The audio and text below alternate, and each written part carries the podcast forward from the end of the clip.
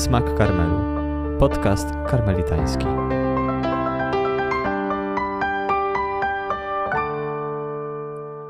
Witajcie.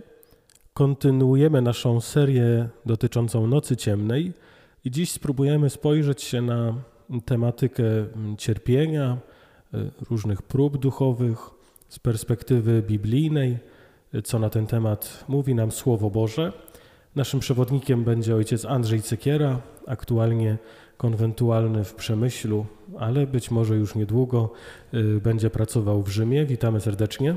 Szczęść Boże, witam wszystkich. Ojciec Andrzej jest, ojciec Andrzej jest biblistą, dlatego dzisiaj chcieliśmy z nim porozmawiać. Jest z nami oczywiście ojciec Marcin Wojnicki. Również witam.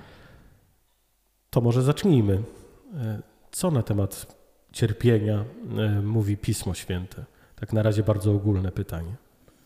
To jest dobre pytanie, dlatego że wydaje mi się, że cierpienie jako temat taki egzystencjalny to jest jeden z motywów w ogóle przewodnich Pisma Świętego. Jeżeli tak mogę powiedzieć, temat przewodni, bo jasne, cel objawiania się Boga jest e, inny, natomiast wpisane w to objawianie się Boga jest też trochę odpowiedzenie na pytanie, dlaczego cierpienie. Mm, więc jest to jeden z takich nośnych tematów w Piśmie Świętym, gdzie można by naprawdę nie jedną godzinę wykładów czy analizy przeprowadzić. Y, ale myślę, że dlaczego ten temat też jest tak istotny w Piśmie Świętym? Bo jest istotny dla nas, ludzi.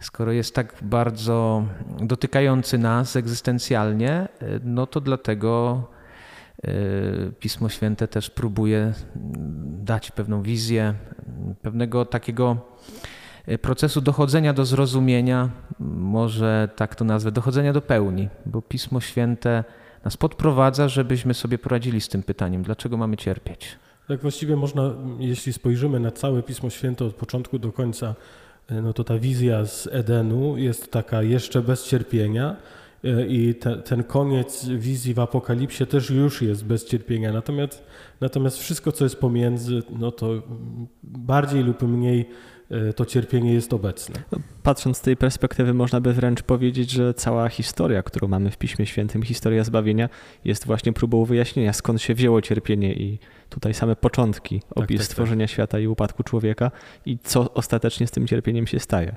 No, nazywamy tą historię historią zbawienia, więc i tak od samego początku mamy taką perspektywę pozytywną. Wiemy, że cierpienie nie jest ostatnim y, słowem, nie jest doświadczeniem, które y, no, kończy się bez rozwiązania, ale na to rozwiązanie w historii zbawienia ludzie musieli troszkę poczekać.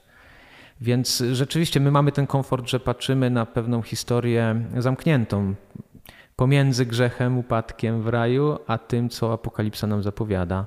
Jesteśmy ludźmi y, w kościele po pasrze Chrystusa, więc też mamy nieco więcej odpowiedzi niż na przykład ludzie Starego Testamentu. Więc myślę, że możemy właśnie nieco więcej uchwycić z tej tajemnicy i spróbujemy to zrobić. Y, może właśnie nieco przechodząc przez tą perspektywę historii zbawienia, pewnych etapów, y, ale chyba dla nikogo nie będzie tajemnicą, że pełnię odpowiedzi na to pytanie znajdujemy w Chrystusie. No, na to pełnię jeszcze przyjdzie czas i na pewno do niej dojdziemy, e, ale nie będziemy póki co robić spoilerów. Póki co pewnie jest czas, żeby zrobić właśnie przegląd tych różnych odpowiedzi, które w Starym Testamencie się pojawiały, zanim przyszła ta odpowiedź pełna ostateczna w różnych tego słowa znaczeniach. Były te różne próby odpowiedzi, których ludzie sobie udzielali, czy których szukali w objawieniu. Jakie to były odpowiedzi, czy, czy próby odpowiedzi? Myślę, że zanim y, wejdziemy w próby mm, odpowiedzi czy zrozumienia tajemnicy cierpienia, to ważne pytanie, które też wybrzmiewa zaraz na początku, to jest pytanie, y, skąd się bierze cierpienie i dlaczego to cierpienie. I pewnie w tej perspektywie, którą chcemy sobie nakreślić, musimy na to pytanie trochę odpowiedzieć. Y, więc sięgamy do początku Pisma Świętego, do Księgi Rodzaju, chociaż wiemy, że chronologicznie nie jest to pierwsza księga. Natomiast no, w tym porządku objawiania się Boga w kanonie jest jako pierwsza księga i, i ona nam daje ten opis tych początków, tego tajemniczego doświadczenia, bo my to mamy pięknie ujęte w, w, w tej strukturze literackiej, czy w formie literackiej właśnie opisów z Księgi Rodzaju, pierwszych 11 rozdziałów, takiej trochę prehistorii biblijnej. Bardziej jest to jednak opis taki literacki, przenośny, alegoryczny i tak to czytamy, który próbuje odpowiedzieć na pytanie właśnie dlaczego cierpienie.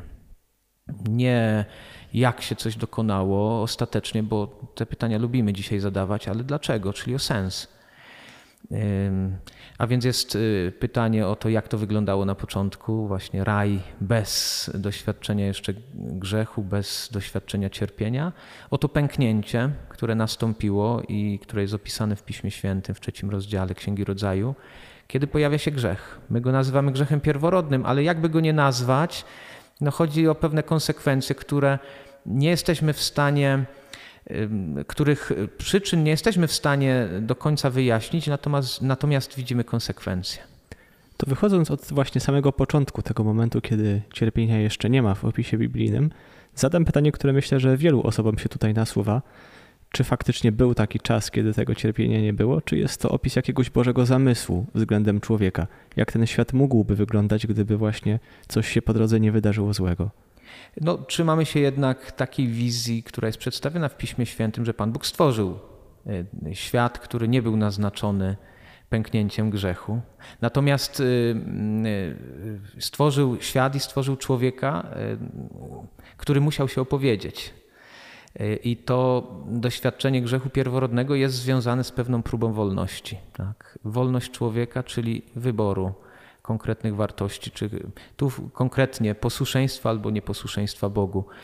Więc y, myślę, że może nawet na próżno roztaczać taką wizję, bo i tak do tego stanu pierwotnego nie mamy dostępu. Nas interesuje, myślę, ludzi żyjących pod konkretnym jarzmem i doświadczeniem skutków grzechu zwanego pierworodnym. Nas interesuje, jak ta historia się zakończy. Do jakiego momentu Pan Bóg ją doprowadzi i co z tym zrobi. Więc powrotu do raju tego opisanego w Księdze Rodzaju nie ma. E, Apokalipsa nam mówi o nowej, nowym niebie, niebie, i nowej ziemi. I to jest jakby nasza perspektywa. I wiemy, że rzeczywiście będzie to stan bez, bez grzechu, bez cierpienia, bez płaczu. Mm, więc perspektywa mm, zmiany jakościowej, owszem.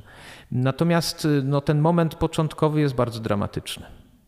Dlatego, że człowiek no nie uświadamiał sobie tak naprawdę, co go czeka. Szatan obiecywał zupełnie inne rzeczy. Będzie poznanie, będziecie znali tak, jak Pan Bóg zna, będziecie na równi z Bogiem. I wydawało się, że to, to wszystko sprawi, że, że naprawdę człowiek będzie tak dowartościowany jak nigdy. A okazuje się, że to poznanie poznacie dobro i zło, będzie tak egzystencjalnie dotykać nas i dotyka właściwie, bo my też jeszcze czekamy na do, dopełnienie pełni, przecież na powrót Chrystusa i wtedy się to doświadczenie tego pęknięcia po grzechu skończy definitywnie.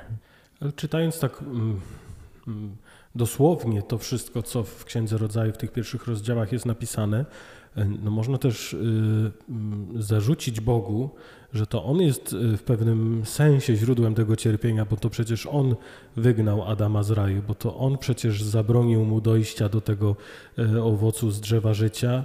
E, czy można to w jakiś sposób obronić? E, jasne, że można obronić. Trzeba troszeczkę wejść w sposób myślenia semickiego patrzenia Żydów czy rozumienia Pana Boga i, i tajemnicy działania zła.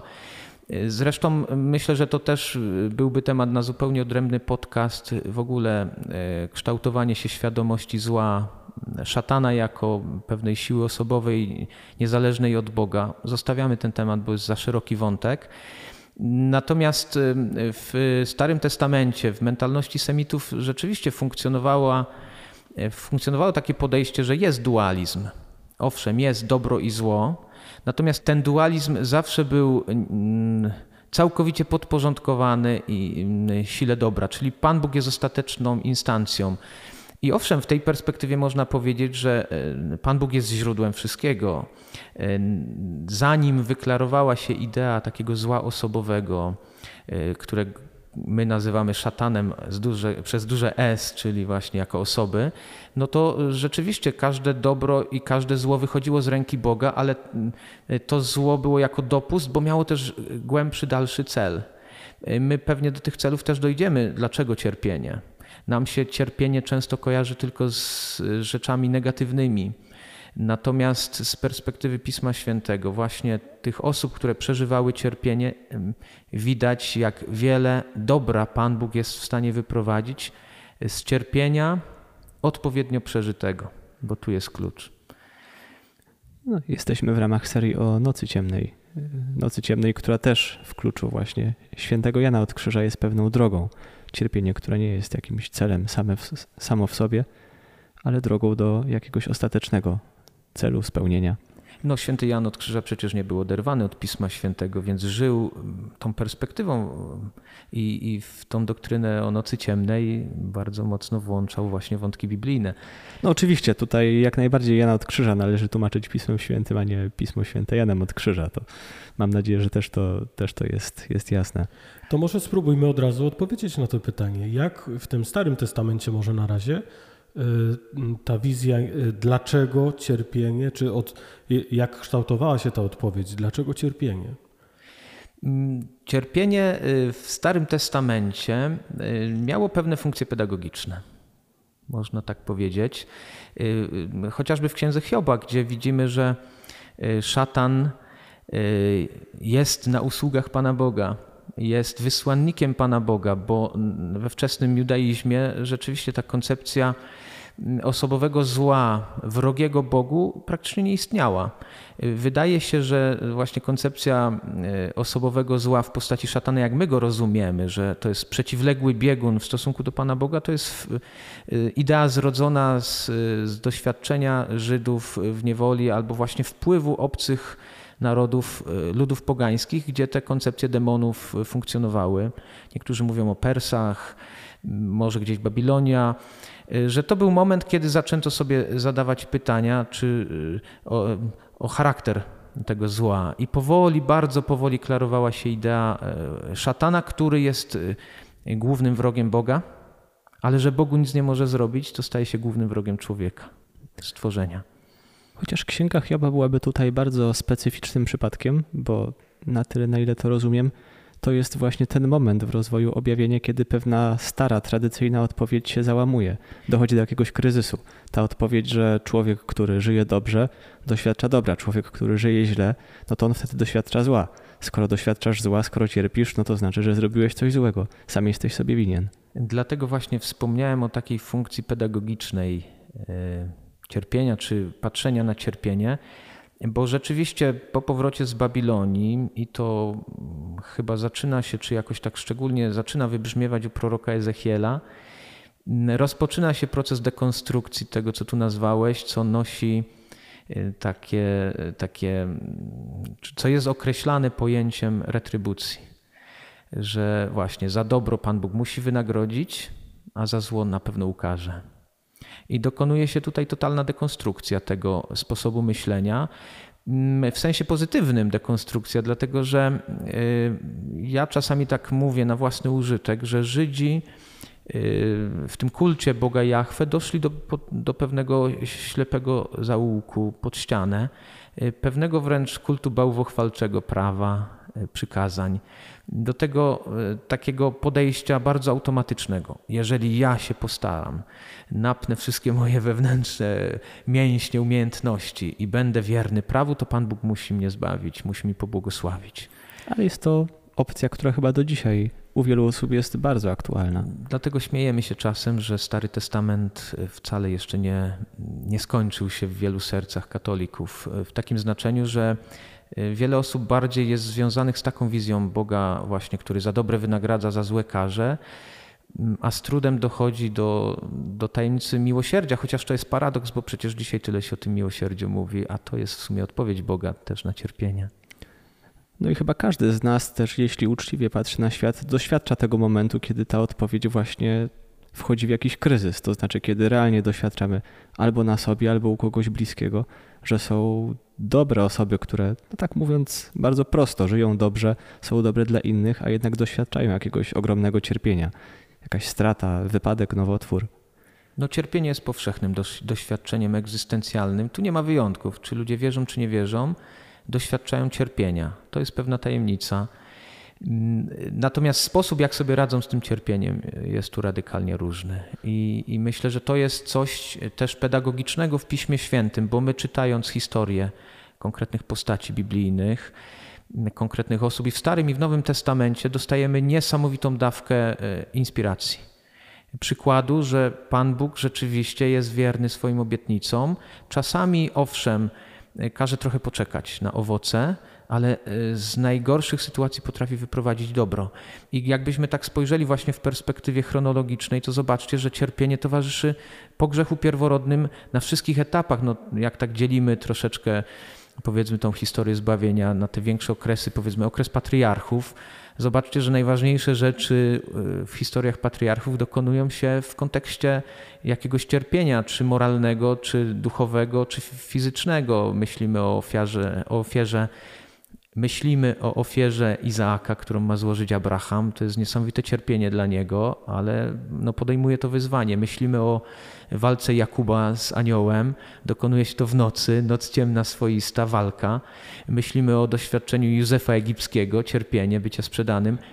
Potem, kiedy y, czytamy proroków, no to przecież y, prorocy, po pierwsze, sami najczęściej bardzo cierpią za to, co głoszą, są wiarygodnymi przez to świadkami a po drugie, co najbardziej piętnują i pokazują rzeczywiście tu konsekwencje za grzech. Najczęściej dwa grzechy: bałwochwalstwo, czyli odrzucenie Boga nazywane cudzołóstwem, i za nierówności społeczne, czyli złe traktowanie sierot, wdów, biednych, wykluczonych.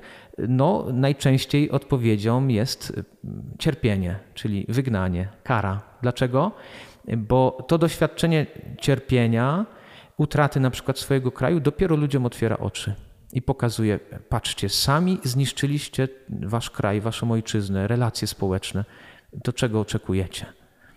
Czy można powiedzieć, że na tym polega ten, ten pedagogiczny wymiar cierpienia w Starym Testamencie właśnie, że Bóg przez to doświadczenie cierpienia próbuje wyrwać człowieka z, takiej, z takiego błogostanu i powiedzieć mu, że, że jest grzech, y, y, z którego on, on powinien w jakiś sposób Y, spróbować się uwolnić? Mm, ja bym tu poszedł y, trochę głębiej i dalej, dlatego że Pan Bóg nie mówi: Słuchajcie, ja wam dam sposób, pokażę wam, jak wy się możecie wyrwać z cierpienia. Pan Bóg jest w pierwszej osobie zaangażowany w ten sposób, y, który proponuje, no bo zbliżamy się do pełni. Odpowiedzią będzie Chrystus, więc w pierwszej osobie Bóg jest zaangażowany w to wyrywanie Y, z doświadczenia cierpienia i z tego egzystencjalnego przeżywania y, trudnych sytuacji w naszym życiu. A czy ta teoria cierpienia pedagogicznego, która otwiera nam oczy, pokazuje, mieści się jeszcze w ramach tej odpowiedzi o retrybucji, czy jest to już jakiś następny krok? Myślę, że y, jakby y, no jest to mimo wszystko jakiś postęp. Y, Stary Testament pokazuje pewną taką perspektywę no, rozwojową, bo zobaczcie, że Stary Testament, Księga Izajasza, konkretnie pieśni sługi Jahwe, dochodzą do, w sumie do takiego chyba najgłębszego sposobu patrzenia na Boga w kontekście cierpienia, bo słyszymy o, o tym, że Pan Bóg przygotowuje właśnie swojego sługę, Mesjasza, jakąś tajemniczą postać dla Żydów do tej pory, tajemniczą postać, bo do końca nie wiedzą z, z kim utożsamić, który nie tyle powie, a zmień swoje życie, tak przeżywaj to cierpienie, zrób to, zrób tamto i wtedy nie będziesz cierpiał, tylko przygotowuje człowieka, o którym słyszymy, że to on weźmie na siebie doświadczenie całego narodu, że on wyda swoje życie na okup za wielu, za, e, wyda swoje życie za naród. Całe cierpienie jakby narodu wybranego weźmie na siebie, więc no my oczywiście chrześcijanie od razu utożsamiamy to doświadczenie e, sługi Jahwy z Jezusem Chrystusem, Natomiast gdybyśmy weszli w buty ówczesnych słuchaczy Izajasza, czy tych tekstów, no to pewnie też byśmy się zastanawiali nad tą tajemnicą, bo jest to coś bardzo wybiegającego do przodu. Więc widzimy, że Pan Bóg nie pozwala im się zadowolić jakąś częściową odpowiedzią, tylko tak jak są obietnice mesjańskie i cały czas krok po kroku one się realizują, czy chcą, czy nie chcą, i Pan Bóg ich podprowadza pod Mesjasza. Potem, owszem, decyzja przyjąć, nie przyjąć, inna sprawa. Tak samo tutaj, w rozumieniu cierpienia, Pan Bóg wyrywa z, takiego, z takiej prostej odpowiedzi, no jest retrybucja. Za dobre wynagradza, za złe karze. Powiem Wam szczerze, że y, jako też duszpasterz, katecheta dzieci komunijnych, bierzmowanych, zawsze się wzdrygam przed takimi uproszczeniami. Więc kiedy mieliśmy omawiać te zagadnienia, to od razu mówiłem, to nie będzie krótki temat, synteza w postaci właśnie Pan Bóg za dobre wynagradza, za złe karze, bo z tego można wyprowadzić łatwo nawet i herezję dotyczące Pana Boga, pokazanie Boga jako takiego surowego sędziego w takim razie. A tu Pan Bóg przecież y, coraz więcej o sobie chce objawić, powiedzieć w kontekście miłości, bo to jest historia zbawienia, która e, ma bardzo pozytywne zakończenie, zwieńczenie, bo Pan Bóg kocha. Gdyby chciał unicestwić, no to już e, dawno by unicestwił za to zło, które e, człowiek zrealizował, podjął, wybrał. Więc widać w tym, że Pan Bóg pedagogicznie prowadzi, bo wie, że my potrzebujemy czasu, że no niełatwo nam się też przekonać do, do, do tego, co nam objawia. Wizja Boga jako sprawiedliwego sędziego jest tutaj właśnie problematyczna i często ciąży na naszym obrazie Boga, ale można powiedzieć, że z drugiej strony, jeśli jakoś bardzo ją radykalnie porzucamy, to wychodzi nam inny problem, bo wtedy spotykamy się z problemem ludzi, którzy są krzywdzeni i pytaniem, dlaczego Bóg nie odpowiada. Oczekiwalibyśmy od Boga, żeby był tym sędzią, który stanie w obronie tych słabych, uciśnionych, krzywdzonych i zniszczy tych, którzy ich krzywdzą. Odpowie im właśnie tak, jak oni traktują te ofiary. I tutaj z kolei pojawia się pytanie, co z tą Bożą sprawiedliwością? Często chcielibyśmy, żeby Bóg był tym sędzią, czasem może nie zdając sobie sprawy, że my również jesteśmy tymi, którzy mogliby za wiele rzeczy zostać osądzeni. No, y, rzeczywiście jest to chyba y, najtrudniejsze pytanie z kategorii pytań o cierpienie. Y, o cierpienie niezawinione osób, które jego doświadczają, ze względu też na inne osoby. No, księgi mądrościowe, czy niektóre z psalmów, czy chociażby historia Hioba też pokazuje, że mm, właśnie Pan Bóg mm, pozwala na pewne debaty, na, na zastanawianie się nad tym tematem, zanim sam zainterweniuje, więc w pewnym sensie może jest takie doświadczenie dla nas y, ciężkie do zniesienia, żeby y, wytrwać nieco przy Bogu, mimo że nie od razu dostajemy odpowiedź. Mm, natomiast w takim moim osobistym namyśle i przyglądaniu się rzeczywistości, mm, nawet w kontekście tego, co teraz przeżywamy, nagrywamy ten podcast w Przemyślu przy granicy polsko-ukraińskiej, w kontekście wojny, która trwa i tutaj jako wspólnota przemyska y, mieliśmy możliwość napatrzyć się wiele na te doświadczenia początków wojny. Zobaczcie, jaka jest odpowiedź y, egzystencjalna też ze strony Boga na zło, na doświadczenie cierpienia, Pan Bóg daje szansę setkom, tysiącom ludzi, żeby z ich serc e, zostało wyprowadzone dobro.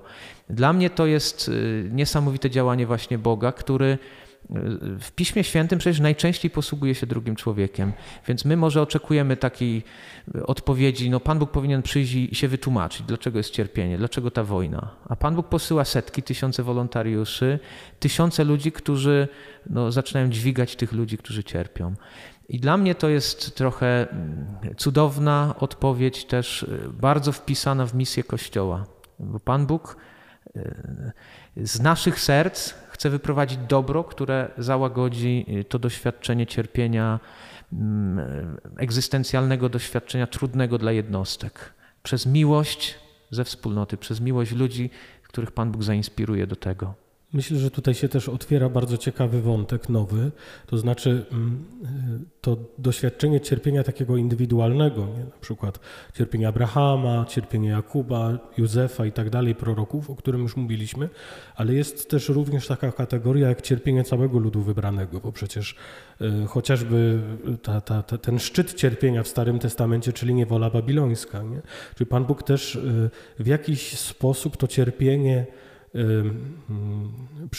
przez to cierpienie przygotowuje cały naród do, do przejścia do kolejnego kroku. Myślę, że e, kiedyś nawet słyszałem na którymś z wykładów chyba, że mm, takie, takie porównanie, że ta niewola babilońska narodu wybranego mogłaby być właśnie porównana do, do nocy ciemnej do, y, konkretnej jednostki. To jakby to była noc ciemna całego narodu wybranego. W Starym Testamencie przecież pojawia się taki wątek, y, chociażby przy wspomnianym słudze Jahwe, jak rozumieć tożsamość tego sługi Jahwe. Niektóre nurty proponują właśnie y, dostrzeganie w słudze Jahwe całego narodu Izraela. To rzeczywiście te wątki jakby mm, Y, indywidualnej odpowiedzialności czy roli jednostki wobec roli całego narodu, one się przeplatają. Powiedziałbym tak, że w starszych raczej tekstach to y, akcent jest położony na jakby dobro i doświadczenie wspólnoty, bo nawet historia Abrahama jest w kontekście przecież y, jego synów, jego potomstwa, więc to jest nakierowane mimo wszystko na dobro narodu wybranego, ma się zrodzić naród wybrany z niego. Natomiast rzeczywiście y, wygnanie babilońskie y, powoduje y, pewne zmiany teologiczne. Obok zarzucenia tej wspomnianej już retrybucji, takiej łatwej odpłaty, która byłaby zbytnim uproszczeniem i była zbytnim uproszczeniem, no to mm, znajdujemy też właśnie u Ezechiela i u innych proroków tego okresu takie przejście od pewnej odpowiedzialności zbiorczej, chociażby za grzech, do odpowiedzialności osobistej. Więc jeżeli byśmy chcieli łączyć y, to doświadczenie cierpienia z grzechem, no to też by y, tutaj wszedł wątek właśnie odpowiedzialności za moje cierpienie na bazie tego, jak żyję albo jak nie żyję, czy jakimi wartościami się kieruję, bo czasami przecież to zło moralne i potem cierpienie, które niesiemy, tworzymy na własne życzenie, wybierając źle wybierając grzech albo łatwo się usprawiedliwiając, nawet do tego stopnia, że, że można potem tworzyć sytuację bez wyjścia. Mnie pamiętam na studiach uderzyło słowa Jana Pawła II, który y, bodajże w Familiaris Consortio pisał w kontekście właśnie pewnych konkretnych wyborów, decyzji, że dzisiaj człowiek poprzez swoje decyzje moralne tworzy sytuacje bez wyjścia, czyli takie sytuacje, w których już nie ma dobrej decyzji. I to oczywiście odnosił czy do in vitro, czy do jakichś innych eksperymentów y, biomedycznych. Tworzy się taką sytuację, że już nie ma odwrotu, bo każda decyzja podjęta jest zła. Więc y, rzeczywiście Pismo Święte pokazuje coraz większą odpowiedzialność jednostki, też w takim kontekście, no, że y, jakby zdrowe społeczeństwo, no dzisiaj na to może łatwiej takimi kategoriami operować, zaczyna się oddolnie od zdrowych jednostek, zdrowych rodzin. Ciężko sobie wyobrazić reformy odgórne, nie? Że nagle się nawraca naród. No nie, no budują to właśnie y, wybitne czy zdrowe jednostki wielcy, którymi Pan Bóg się jakoś może też posługuje szczególnie. I w tym okresie też, jak już zresztą powiedziałeś, pojawia się ta idea, na przykład y, wyrażona przez Izajasza, idea tego Mesjasza, który będzie niósł cierpienie wielu narodu. Y, no i myślę, że możemy naturalnie przejść do tego, w jaki sposób Pan Bóg zrealizował tą swoją zapowiedź, czyli w jaki sposób ostateczną odpowiedź na cierpienie dał Pan Bóg w Jezusie Chrystusie. No, tak jak wspomniałem, jest to odpowiedź w pierwszej osobie. Zresztą e, zobaczmy jeszcze na ten moment, zaraz po grzechu pierworodnym. Mówimy o tak zwanej protoewangelii. Pan Bóg od samego początku e, wdraża pewien, możemy tak kolokwialnie nazwać, e, plan ratunkowy od razu pojawia się pomysł, będzie kobieta, z tej kobiety urodzi się potomstwo. Tak, e, mówi się o takim jednostkowym traktowaniu potomstwa e, w znaczeniu taki wybitny potomek, który, e, no właśnie, zniszczy to zło, będzie tym, który zdepta głowę węża. Więc jakby u samego początku już jest perspektywa zarysowana, no ale w historii zbawienia minął no, długi, długi czas, zanim jakby się to zrealizuje. My oczywiście, czytając Pismo Święte oczami ludzi po zmartwychwstaniu Chrystusa, z łatwością te różne zapowiedzi starotestamentalne, wątki dotyczące Mesjasza i osudze Jahwe odnosimy do Jezusa Chrystusa. I tak jesteśmy uczeni też y, czytać te teksty, bo wiemy, że pełnia jest w Jezusie Chrystusie. Święty Paweł mówi, nadeszła pełnia czasu. Zesłał Bóg Syna swego zrodzonego z niewiasty, zrodzonego pod prawem, ale znowu, to nie jest jakiś wybitny nauczyciel, który y, miał przyjść i powiedzieć: Słuchajcie, zróbcie to i to, i nie będziecie cierpieć. Nie, on pierwszy y, jakby wyznacza szlak, bo sam zaczyna tak żyć i pokazywać, jaka jest droga do odkupienia. I paradoksem nie jest odrzucenie cierpienia. Znaczy, paradoksem jest, że nie chodzi o odrzucenie cierpienia, tylko o swoiste zrozumienie, jak to doświadczenie przeżywać. I Jezus nas tego uczy na sobie.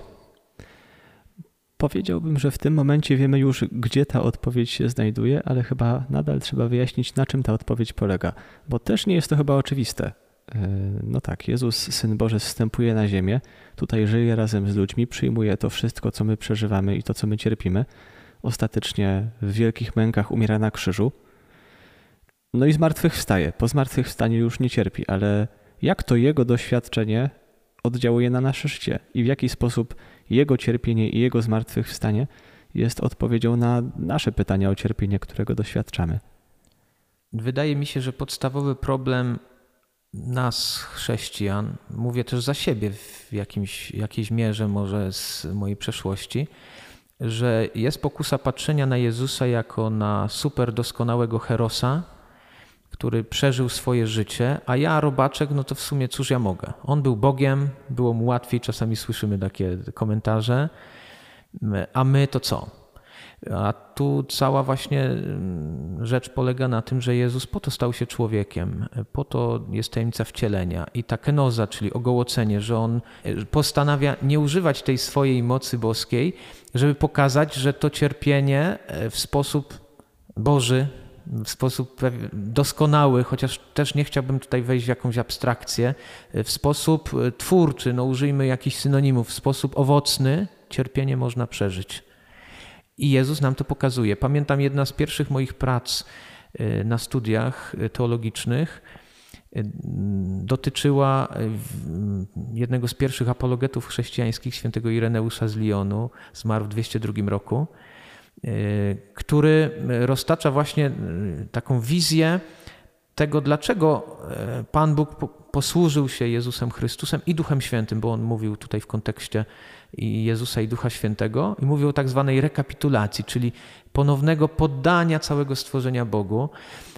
I wyobrażenie, którego użył, to było tak: Pan Bóg w postaci Jezusa Chrystusa i Ducha Świętego daje nam takie, wyciąga swoje ramiona żeby na nowo przygarnąć całe stworzenie pęknięte przez grzech, a szczególnie człowieka do siebie.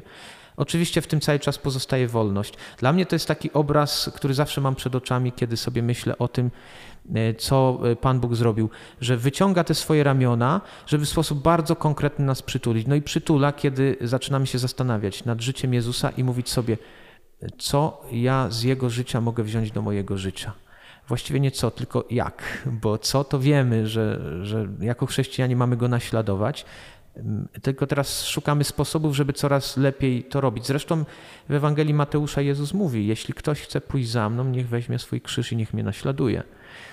Nigdzie w Ewangelii nie znajdziemy takich sielankowych zapowiedzi. Słuchajcie, jak mnie przyjmiecie jako zbawiciela, będę waszym panem i zbawcą, to, to, to zniknie cierpienie. To, to ja wam zapewniam sielankę. Myślę, że wiele osób, nie znając Pisma Świętego, łudzi się, że taka jest konsekwencja przyjęcia Boga do swojego życia. Przyjmę Pana Boga, no to moje życie się wyprostuje.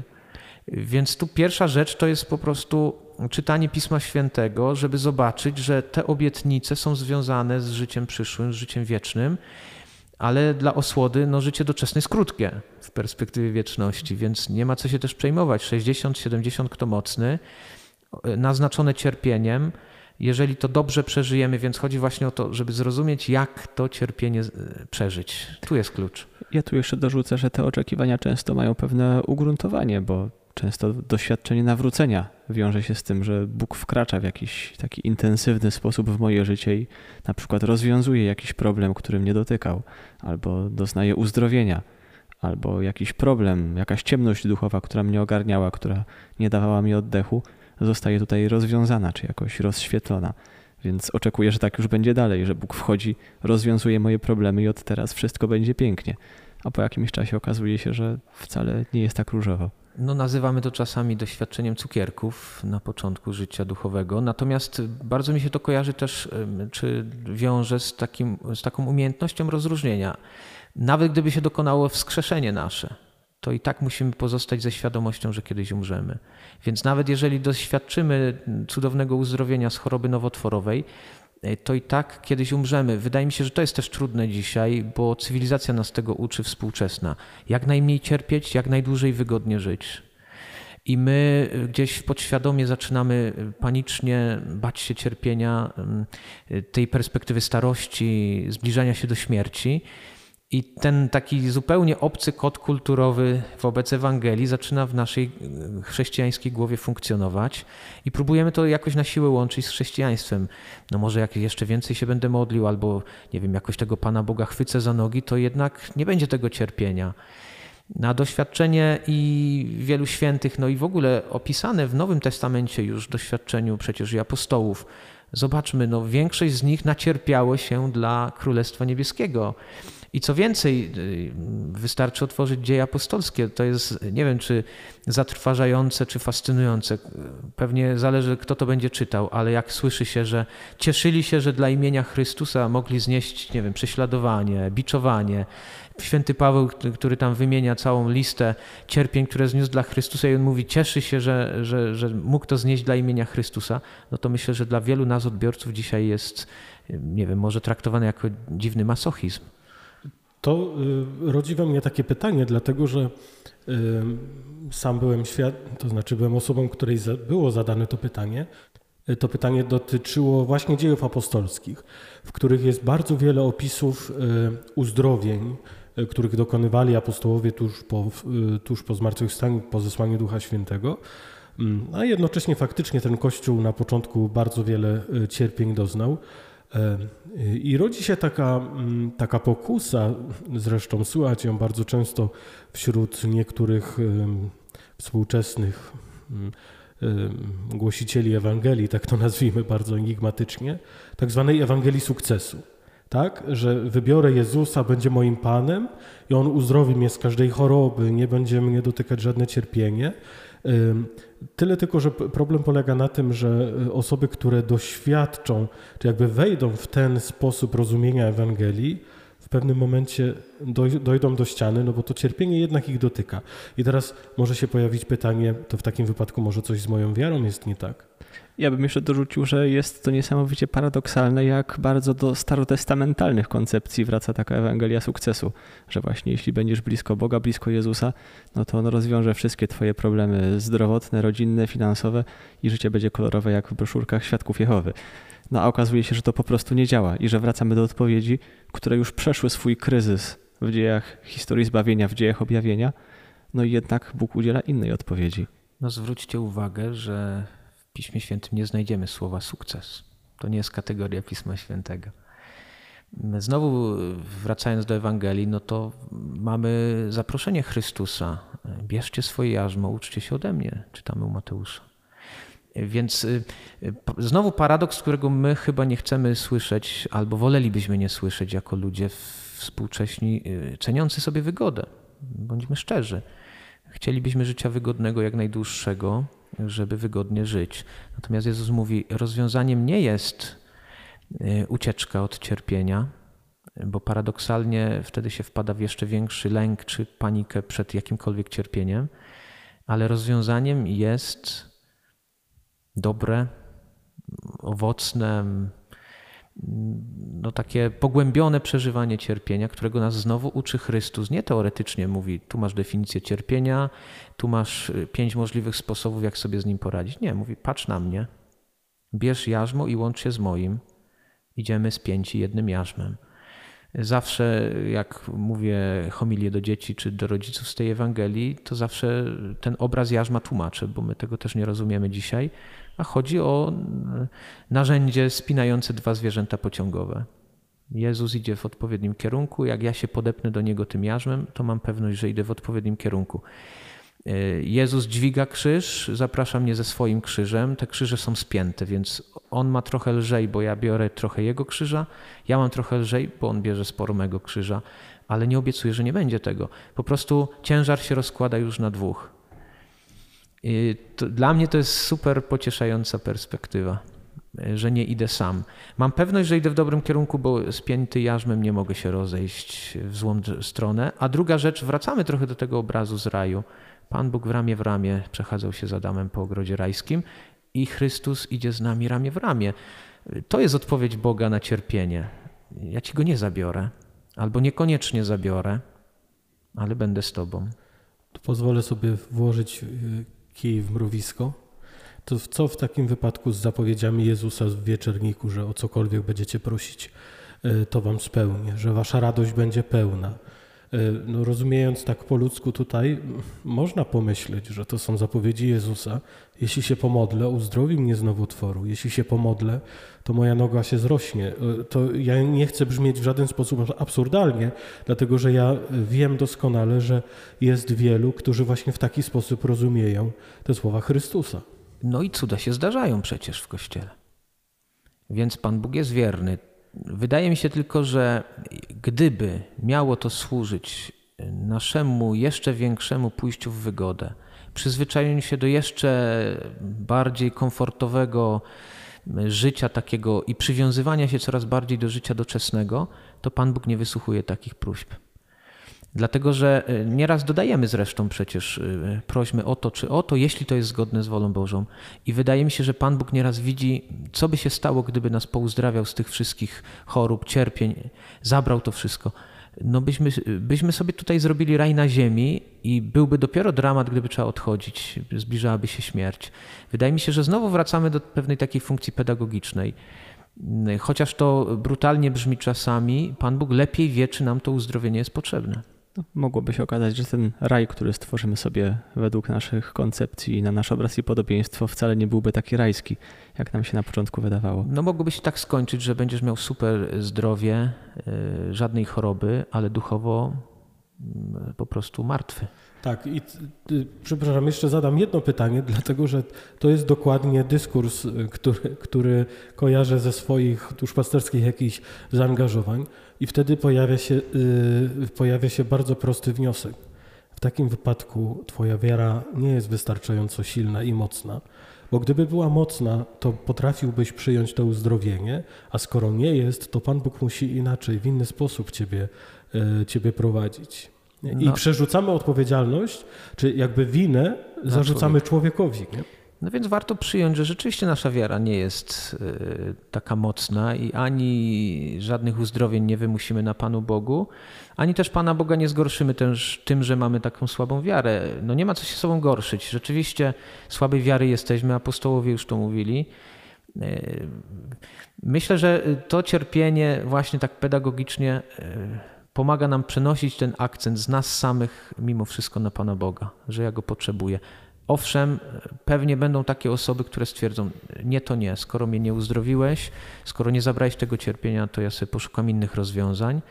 Natomiast y, jeżeli jest w nas choć trochę wiary, no to wydaje mi się, że ta ścieżka takiego um, zawierzania się Panu Bogu i zaufania Jemu y, zaprocentuje, bo zobaczymy, że jesteśmy w dobrych rękach, że rzeczywiście nawet gdyby nas uzdrowił, to i tak Go potrzebujemy to ja pozwolę sobie włożyć swój kij w mrowisko. Mówiliśmy przedtem o tym obrazie jarzma, e, któremu się poddajemy, gdzie idziemy razem z Chrystusem pod tym jednym jarzmem. Świadomie mamy je wybrać. Tak, świadomie mamy je wybrać. Idziemy z Nim, niosąc to wspólne jarzmo i idziemy w dobrym kierunku. Ale jest też rodzaj cierpienia również bardzo obecny w Piśmie Świętym, w którym no właśnie doświadczamy tego, doświadczamy czy przeżywamy to, że Jego nie ma obok nas, że zostajemy z tym sami.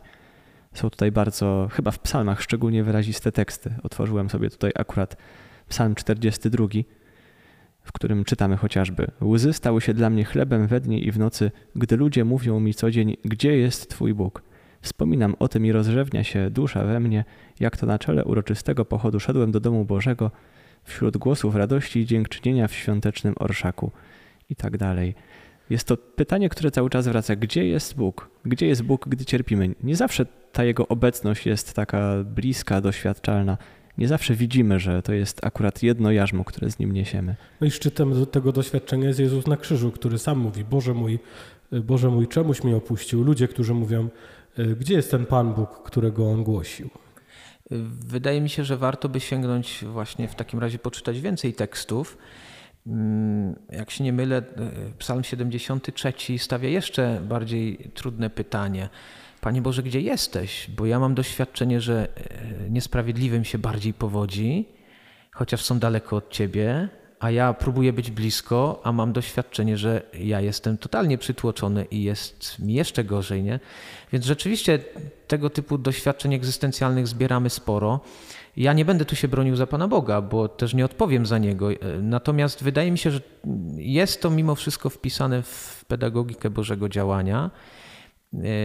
I największa trudność jest, bo tak się kończy ten psalm chociażby 73, Y, największy problem mamy z cierpliwością, czyli z przeczekaniem trudnego momentu, żeby zobaczyć i dać szansę Panu Bogu zareagować. Oczekujemy natychmiastowych odpowiedzi. I więc jeżeli oczekujemy natychmiastowych odpowiedzi, no to pojawia się cierpienie i ja podejmuję decyzję. Idę, czekam albo nie czekam. Dzisiaj pewnie większość nie będzie czekać, bo jesteśmy w takiej kulturze mm, instant, że no, albo jest odpowiedź szybko, albo dziękuję, Panie Boże. I wiele osób nie dotrwa do tej Bożej odpowiedzi, która by wyjaśniła wszystko, a nawet jeżeli nie wyjaśniła, to pokazałaby, że Pan Bóg ma większą odpowiedź. I pobłogosławi, że ci wszyscy zwiędną jak kwiaty, grzesznicy, którym tak się powodziło dzisiaj, a jutro już ich nie będzie, a my mamy większe obietnice. I oczywiście, że mm, cały czas tutaj wracamy, no, uzdrowienia, nawet największe cuda, nie wiem, fizyczne czy takie, nawet i duchowe uzdrowienia, one mają cel dalszy. One mają nas przygotować do wieczności, do tego, żeby wybrać Boga, żeby jakby wejść w tą zależność, że ja go potrzebuję cały czas i na wieki będę z nim, a nie żeby doświadczyć, że jestem, nie wiem, jakimś herosem, półbogiem, bo Pan Bóg mnie uzdrowił i teraz wszystko już mi się będzie układać, nie? Więc jakby mm, myślę, że trudności mamy natury psychologicznej, z cierpliwością, z czekaniem, z tym, żeby y, też uwierzyć, y, czy, czy poddać się komuś większemu. Sięgając już do tego drugiego końca naszej perspektywy, którą na samym początku zakreśliliśmy, jaka jest ta odpowiedź na cierpienie, którą przynosi już ostateczna perspektywa, którą najpełniej chyba mamy dostępną w Apokalipsie, ale też u świętego Pawła w Ewangeliach jest zarysowana ta perspektywa wiecznego szczęścia, gdzie cierpienie się już skończy, gdzie można powiedzieć wszystkie odpowiedzi zostaną już udzielone, gdzie ten ostateczny sens się objawi. Na czym polega ta odpowiedź Pisma Świętego? Co możemy powiedzieć o tym etapie historii zbawienia? No, możemy to powiedzieć, co czytamy, bo wciąż y, oczekujemy na dopełnienie się tego y, w naszej perspektywie. To znaczy, ktoś, kto umiera, no to staje przed Bogiem i, i właśnie y, dokonuje się sąd indywidualny a potem oczekiwania na ten są dostateczny. Natomiast y, no wiemy, że kresem możliwości pewnego kształtowania tej rzeczywistości y, no jest to, to nasze życie tu i teraz. I może dlatego Chrystus mówi, że Królestwo Boże już jest obecne pośród nas. I to nie jest tak, że my mamy jakoś dociągnąć do końca i wtedy się wszystko objawi. Y, albo, nie wiem, spadnie na mnie ta, ta nowa ziemia i, i, i nowe niebo i będę uczestnikiem, albo nie. To się zaczyna już tu i teraz.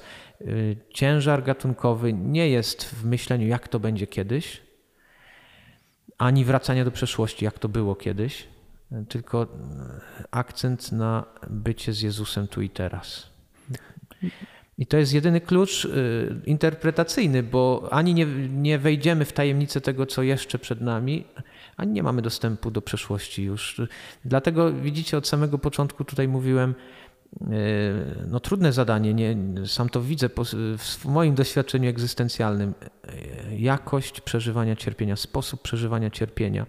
Pamiętam też słowa, jakie Faustyna e, mówiła o, o tym dźwiganiu krzyża cierpienia, jak można to robić. To jest takie już unaocznienie też e, właśnie tego dźwigania jarzma ewangelicznego. Mówiła to o osobach wierzących. Są e, chrześcijanie katolicy, którzy ten krzyż tak ciągną za sobą, wloką jako zło konieczne. Tak po prostu nawet nie chce patrzeć ktoś na ten krzyż, tylko ciągnie. Nie? Są osoby, które, no owszem, niosą na plecach, ale też nie mają zgody w nich narzekają, że to cierpienie przyszło. No i oczywiście jest trzecia kategoria ludzi, którzy do tego krzyża się przytulają. I Pismo Święte, kiedy właśnie czytamy o tych wielkich postaciach Pisma Świętego, to, są, to nie są herosi, to nie są osoby, które od kołyski potrafiły przytulić krzyż. To są osoby, które się tego uczą. Mi jest bardzo bliski święty Paweł, to jest też mój patron ze chrztu, drugi patron. I to doświadczenie świętego Pawła dla mnie jest tak przekonywujące, bo facet intelektualnie był w stanie sobie bardzo wiele rzeczy wytłumaczyć. Natomiast kiedy przychodzi to doświadczenie cierpienia z różnych stron, bo tak naprawdę potem doświadcza cierpienia i od y, dawnych swoich współwyznawców, od Żydów, i od pogan, i od y, jakichś doświadczeń wewnętrznych. No ten oścień zła może być tłumaczony na bardzo różny sposób, jest przynajmniej kilkadziesiąt hipotez. Umawialiśmy się już na trzy kolejne odcinki o ościeniu świętego Pawła. Myślę, że wrócimy rzeczywiście do tego ościenia. Ale on nie traci w tym pokoju i mówi: Jeżeli będzie trzeba, to jeszcze więcej dla Chrystusa wycierpię. Co więcej, no, kiedy mu zarzucają, że nie jest prawdziwym apostołem, to on mówi: Wiecie, dlaczego jestem prawdziwym apostołem? No, mogli nie wiedzieć, że Chrystus go wybrał pod Damaszkiem. Skąd mieli wiedzieć? Nie czytali jeszcze e, dziejów apostolskich ani listów Pawła. Ale e, święty Paweł mówi e, o dwóch głównych dowodach, że jest prawdziwym apostołem wobec tych fałszywych. To drugi list do Koryntian, cała dysputa.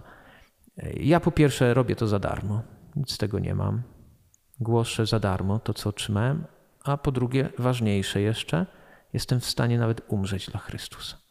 Wszystkie cierpienia i tam potem robi tą listę, nie? Tyle razy biczowany, sieczony, rozbitek na morzu, raz kamienowany w, w mrozie i w upałach, przemierza dziesiątki tysięcy kilometrów, a jak trzeba, to i umrę dla niego i tak się to kończy, nie? I on z radością potrafi y, dawać świadectwo, czyli zobaczcie, no jest perspektywa, że cierpienie może zrobić z nas y, kogoś sfrustrowanego. No jeżeli się nie próbuje jako chrześcijan, mówię o ludziach wierzących, jeżeli się nie próbuje wejść właśnie w tą perspektywę, którą Pismo Święte nam nakreśla, Nowy Testament, i myślę, że to jest y, problem. No, jako biblista nie zdziwcie się, no, zachęta do czytania Pisma Świętego, żeby zobaczyć, y, co Pan Bóg właśnie mówi o tym cierpieniu i jakie daje rozwiązanie. Już wiemy, że niełatwe, że zabierze. No, więc taka umiejętność po prostu dobrego przeżycia cierpienia. Myślę, że ciekawej odpowiedzi na to pytanie o sens cierpienia w nawiązaniu do tego, że Królestwo Boże jest właśnie już pośród nas i że to już się dokonuje, dostarcza święta Teresa od Dzieciątka Jezus. Być może cytowałem tutaj już jej słowa, e, kiedy mówi, że nie wyobraża sobie, żeby w niebie mogła być szczęśliwsza. I mówi to przeżywając bardzo wielkie cierpienia, ale ma na myśli to, że już teraz kocha Jezusa i wie, że On jest obok niej. I to jest dla niej dostateczną odpowiedzią na to, co przeżywa. Że nie oczekuje już niczego więcej, chociaż oczywiście później w niebie te wszystkie problemy już rozwiążą się tak całkowicie, ale ona ma już tą swoją odpowiedź, której pragnęła. Święty Jan od Krzyża też pisze o nocy szczęśliwa. Z perspektywy nocy, którą już przeszedł, widzi, że to cierpienie faktycznie miało sens. No zobaczcie, jak wielu świętych y, brało za swoje motto albo cierpieć, albo umrzeć. Śmierć, czyli stanięcie przed Bogiem w taki sposób, albo cierpieć w domyśle, bo jest to sposób na spotkanie się, doświadczenie mm, Chrystusa, przez cierpienie. Bardzo lubię tak sobie to wyobrażać i też tak mm, nawet mówić nie wiem, w kazaniach czy w konferencjach. Jest droga krzyża, która w pewnym momencie w niesamowity sposób zmienia się w drogę światła. Jeżeli wytrwamy, jeżeli właśnie w tym jarzmie y, wytrwamy przy Chrystusie. Ale jeszcze wróciłbym do tego wątku, bo tu y, Marcin poruszyłeś Jezusa, który na krzyżu woła: Boże mój Boże, czemuś mnie opuścił. Też się trochę z tym pytaniem kiedyś zmagałem. Pewnie wiele odpowiedzi można by znaleźć u różnych egzegetów, biblistów. Natomiast mnie przekonał e, papież Benedykt XVI, kardynał Ratzinger, kiedy pisał. I myślę, że taka wizja jest szalenie mm, inspirująca, kiedy mówił tak: Na krzyżu spotyka się pytanie całej ludzkości o to doświadczenie egzystencjalne cierpienia które wyraża Chrystus swoją drogą w imieniu całego narodu. Boże mój Boże, takie poczucie nie? opuszczenia i cierpienia. Dlaczego mnie opuściłeś?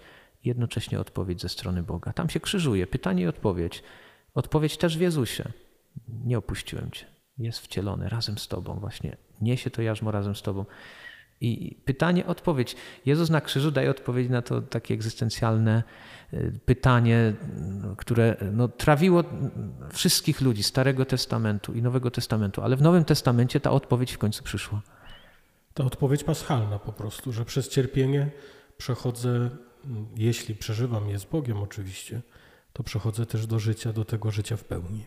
Więc naśladowanie Chrystusa na czym polega? Na tym, żeby być ludźmi pas, paschy, paschalnymi, przechodzącymi od tajemnicy krzyża do tajemnicy zmartwychwstania. I też można by tak troszkę uszczypliwie powiedzieć, że wiele osób jest tak przywiązanych do tajemnicy krzyża, że nie chcą jej puścić. Zobaczcie, ile mamy nabożeństw e, rozważających mękę pańską, a jak przyjdzie okres wielkanocny, to nie wiadomo, co z sobą zrobić, jak tego Boga uwielbiać, nie? Więc myślę, że te wątki starotestamentalne i takie trochę skoncentrowanie na cierpieniu nieraz nam ciąży. Przychodzi moment, żeby się ucieszyć, uwielbić Boga, że zmartwychwstał i poczuć się właśnie zmartwychwstałymi razem z Nim. Często chyba też jest tak, że po prostu to doświadczenie czy ten rodzaj nabożeństw jest nam bliższy. Łatwiej nam się odnaleźć w Chrystusie cierpiącym, dźwigającym krzyż, niż w Chrystusie zmartwychwstałym. Często możemy tej radości zmartwychwstania nie dostrzegać w tym, czego doświadczamy na co dzień. Myślę, że i psychologicznie też jest to bliższe, nie? bo jednak tajemnica cierpienia, każdy z nas ją nosi, a tajemnica chwały, no w jakiś sposób jest to jeszcze przed nami trochę tajemnicze. Jest to też perspektywa jakiejś naszej nadziei. Myślę, że też byłoby jakąś krzywdą oczekiwanie, żeby ktoś już teraz wszedł w tę radość, którą, której być może nie jest w stanie po prostu tak sam z siebie wywołać, czy która w ten sposób byłaby po prostu sztuczna. No, chrześcijańska nadzieja jest też jednym z darów Bożych ze sposobów, jakie Pan Bóg w nas podtrzymuje wobec cierpienia, żeby się nie załamać. Zobaczcie, że jednym z najgorszych stanów to jest rozpacz, czyli utrata nadziei i pewnie złemu niejednokrotnie zależy, żeby nas do takiego stanu prowadzić poprzez cierpienie. Jedno, drugie, kumulują się cierpienia nasze, innych i może właśnie pojawić się pytanie, gdzie w tym wszystkim Pan Bóg? Ja rezygnuję. Rozpacz, nie? Nie ma pomocy dla mnie. I to jest duża pokusa szatańska, nie? I może nawet to jest istotniejsze, że Bóg nie tyle ratuje nas od cierpienia, że zabiera nam cierpienie, ale ratuje nas przed rozpaczą, przed tym cierpieniem bezsensownym, przed cierpieniem, które właśnie ma ostatnie słowo i za którym nie ma już żadnej innej perspektywy. Jego zmartwychwstanie, ta odpowiedź, która przychodzi w Chrystusie, jest jakimś wyłomem w tej wizji świata, w której właśnie wszystko jest cierpieniem, wszystko jest ciemnością i wszystko jest bezsensem. On pokazuje, popatrz, jest droga dalej, ja nią przeszedłem. Dla mnie to jest y, wyrażone przez pojęcie obecność Boża, czyli On jest, ja jestem. Jestem z Tobą, nie? Jasne, że w doświadczeniu nocy ciemnej, w ciemności najtrudniej y, właśnie przychodzi uwierzyć czy odkryć tą prawdę, że On jest. Natomiast jest to obietnica Boża od samego początku i w Starym Testamencie ja jestem i Jezus powtarza to niejednokrotnie. Ja jestem z Tobą, jestem z Wami przez wszystkie dni aż do skończenia świata. Więc jest to kwestia wiary i pewnej nadziei złożonej w Chrystusie, a znowu no, doświadczenia cierpienia, tak pedagogicznie patrząc, wydoskonalają nas w tych cnotach teologalnych. Czyli dochodzimy do samego serca nocy ciemnej. Tak, proces przygotowujący nas po prostu do pełni spotkania z Bogiem. Dziękujemy za rozmowę, za naświetlenie tych wszystkich biblijnych wątków. Temat oczywiście jest bardzo szeroki i myślę, że można by tu jeszcze kilkanaście czy kilkadziesiąt godzin przegadać, rozmawiając o różnych tekstach, w których to cierpienie się pojawia, tych różnych odpowiedziach, które w Piśmie Świętym się pojawiają, ale chyba musimy tu dzisiaj zakończyć. Mam nadzieję, że udało się rzucić przynajmniej taki panoramiczny obraz na te odpowiedzi, które objawienie nam przynosi, no i na tą najważniejszą odpowiedź, którą jest po prostu sam Jezus Chrystus, który przechodzi przez krzyż do zmartwychwstania. Dziękujemy bardzo. Ale w związku z tym, że tak wiele różnych perspektyw tutaj też się otwarło w tej rozmowie, to myślę, że to jest y, bardzo dobry moment, żeby też zaprosić wszystkich naszych słuchaczy do tego, y, żeby jeśli macie jakieś pytania czy propozycje tematów, które mielibyśmy z różnych perspektyw y, podjąć, czy z ojcem Andrzejem dotyczących Pisma Świętego, czy z innymi ojcami, to bardzo Was serdecznie zapraszamy do kontaktu z nami. Możecie z nami się kontaktować albo przez maila, y, albo przez naszą stronę na Facebooku. Y, zapraszamy do tego kontaktu i jeśli tylko będziemy w stanie odpowiedzieć na Wasze potrzeby i pragnienia, to zrobimy to zrobimy to e, bardzo z wielką przyjemnością I Tak. z radością. i z radością. W odcinku z siostrą Lidią daliśmy już przykład, jak wyczerpująca może być odpowiedź na zadane w komentarzu pytanie, więc zachęcamy do pytania. Postaramy się na nie odpowiedzieć tak szeroko, jak tylko damy radę. A za dzisiejszy odcinek dziękujemy Wam, że wysłuchaliście go. Był z nami ojciec Andrzej. Dziękuję za zaproszenie. Do usłyszenia. Do usłyszenia w następnym Szczęść odcinku. Smak karmelu. Podcast karmelitański.